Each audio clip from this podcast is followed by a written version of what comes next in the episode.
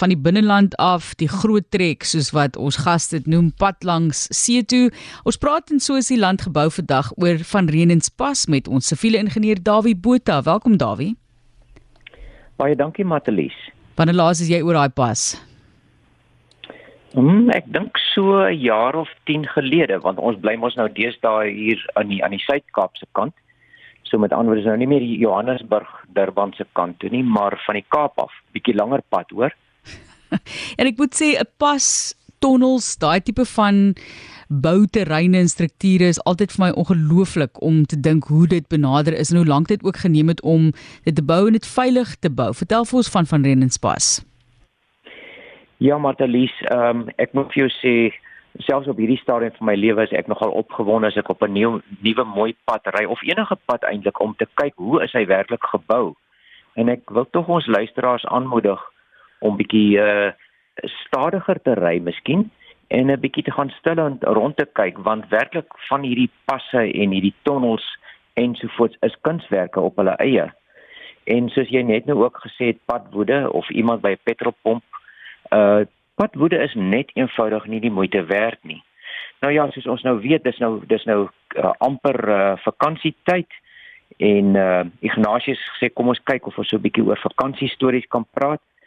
So daar's elke jaar hierdie groot trek van die van die binneland af Natal se kus toe, dan na die lekker warm waters toe.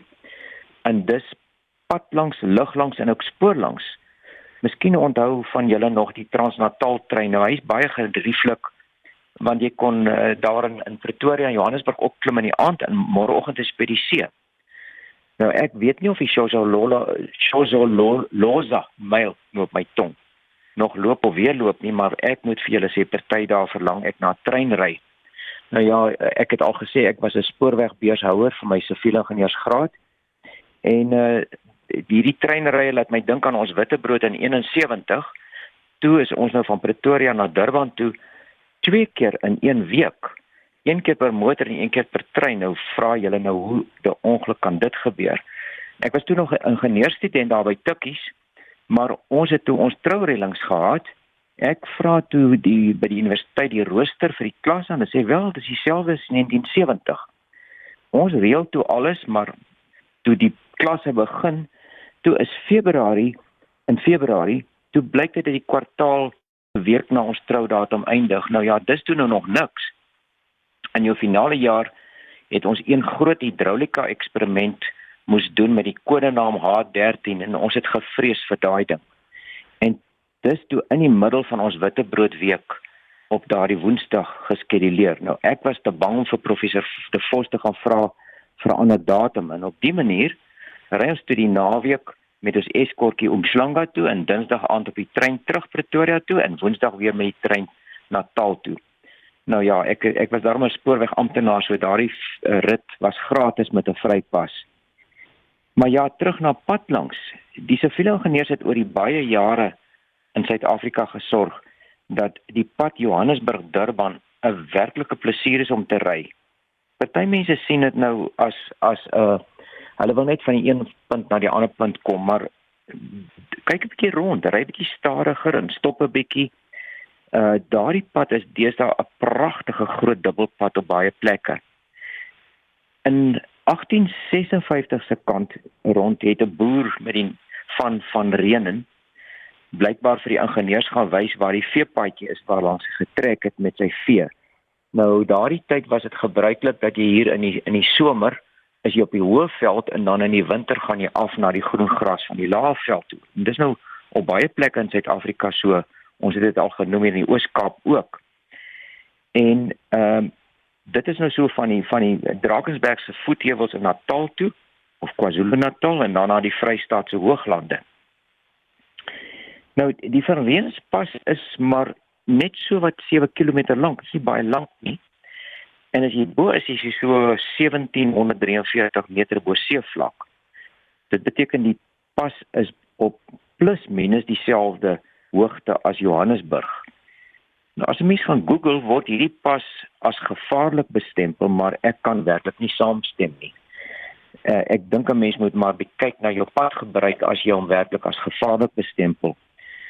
Want paaie word baie noukeurig ontwerp vir bepaalde plaaslike omstandighede wat hellings betref, draaie, sigafstande en daar is baie streng standaarde wat hierdie faktore betref.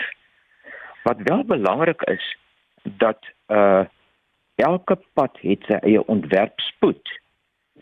En dis waar dinge verkeerd loop, want as die verkeersteken sê die beperking is 80 km/h en jy ry dalk al 100, dan kan dinge dalk begin lol. En die probleem dink ek is mense op pad see toe se voete soms 'n bietjie swaar want daai golfies wink in die tyd wat vir jou vakansietyd is mos nou maar kort. Maar die ingenieurs het nie om dowe neute die spoedbeperkings gestel nie. Ehm uh, want daar's 'n hele reeks faktore wat saamwerk as jy met 'n voertuig ry. Byvoorbeeld, om 'n draai wat die middelpunt vliegende krag maak dat jou voertuig na die buitekant toe neig. Nou ja, as 'n mens nou op 'n op 'n pad is wat wat nie uh uh aangepas is vir daai spoed nie, kan jy voel jou kar neig na die buitekant van die draai toe. Die binnekant word dan laer gebou en die buitekant van die pad hoër. En die tegniese woord daarvoor dit is is is dan superelevasie elevasie. En die helling van daardie superelevasie wissel soos wat die uh die die die pad se se spoed ontwerp is. Met ander woorde, hy's bietjie steiler oor die dwarste op hoër spoed as op 'n laer spoed. Die ander ding is natuurlik dat ehm um, die die beleining, horisontale beleining is aan snelheid gekoppel want mens moet nou besef as jy ehm um, oor 'n bultry wat vir 60 km/h ontwerp is of die pad, dan kom jy en jy kom oor teen 80 daaroor, dan kry jy nie gestop as iets oor kan die bult staan nie. So daar's 'n baie goeie rede vir vir hierdie spoed spoedbeperkings. Dan is daar nog hierdie sogenaamde geel lyne wat daar is eintlik net vir noodgevalle. Met ander woorde as jy nie heeltemal van die pad af kan kom as jou voertuig ontklaar raak nie. Nou weet ek hoe ongeduldig word ons as 'n stadiger voertuig dan nou nie in die geel lyn wil gaan ry om jou te laat verbysteek nie. Nou mense sien die verskriklikste dinge gebeur dat dat twee voertuie en twee vragmotors op dieselfde op 'n enkel pad probeer by mekaar verbykom. En Die probleem is as as jy uh, met 'n om 'n draai gaan en oor 'n bult uh dan dodelik as jy in daai geel lyn gaan ry om 'n vinniger voertuig te laat verbygaan want dalk staan daar nou juis net 'n voertuig in die noodbaan en dan kan die geel lyn ryer nie uitswaai nie daar was al verskriklike ongelukke wat so gebeur het. Snags is dit baie gevaarlik om daar te gaan ry want jou ligte het hulle beperkings. En sover ek weet is dit onwettig om daardie lyne te gaan ry snags en oor bulte en in die, en dan in sekere plekke in die nag. Maar dink 'n bietjie daaraan. 60 km/h. Dan ry jy so 16 meter per sekonde.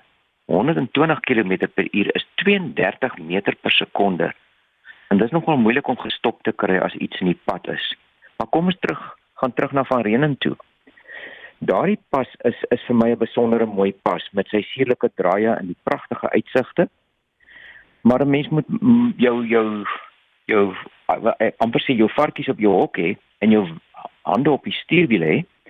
Want daar's byvoorbeeld 'n plek daar bo-op waar die wind jou 'n baie slegte pluk kan gee. En daar is byvoorbeeld 'n waarskuwing in die vorm van 'n windkous en dit gee vir jou 'n aanduiding van hoe sterk die wind is en van watter kant hy afkom. So jy moet voorberei wees daarvoor. Miskien het julle ook al agterkom as mens deur 'n deurgrawing ry, dan is die wind mos skielik weg van die dwarste af en dit voel of jou kar nou skielik aan die ander kant toe wil gaan. So op verskeie plekke in die land word 'n mens gewaarsku vir vir wind. En dan is daar nog soms sneeu in die winter en daardie pas word van tyd tot tyd selfs gesluit. Nou ons as Suid-Afrikaners is mos almal voortrekkers wat sogenaamd kaalvoet oor die berg geloop het. En nou dink ons jy kan maar sommer gou ry en gaan sneeu kyk. Maar ek sou sê bly liewer van daardie pas af weg as dit sneeu. Een jaar so het ek terug was van mense wat in 'n motor vasgekeer was, ek dink vir 'n paar dae. En dan moet jy daar bly sit in die koue. En dan is die geweldige stringe en toue vragmotors natuurlik oor daai pas nog 'n uitdaging.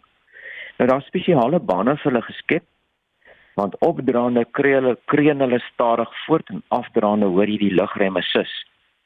So daar is 'n baie bepaalde rede vir daardie ehm uh, vir die bane want motors en vragmotors meng nie baie maklik nie. So ek wil sê die ingenieurs het daardie pas deeglik beplan en dit word baie goed in stand gehou deur Sandra. Dis nou die Afrikaanse agentskap en ongeluk, ongelukkige gebeur wel. Maar in die meeste gevalle is dit omdat die ontwerpstandaarde van die ingenieurs verontagsaam word. Uh my pleidooi is dus luister maar liewer, gehoorsaam maar liewer. Ons ingenieurs hou nie daarvan om te hoor dat ons gevaarlike pad gebou het nie. Dit is eenvoudig nie waar nie. So my sedepreek eindig nou hiermee. Hou matigheid vir oë, hou by die padreëls, kom veilig tuis of veilig by die see en geniet daardie wonderlike roete see toe.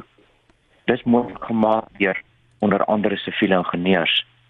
Nou Willie Rodney Barrel wat SAICI se president in 92 was, het altyd met trots verwys na die stuk snelweg daar by die Tugela tolhekke.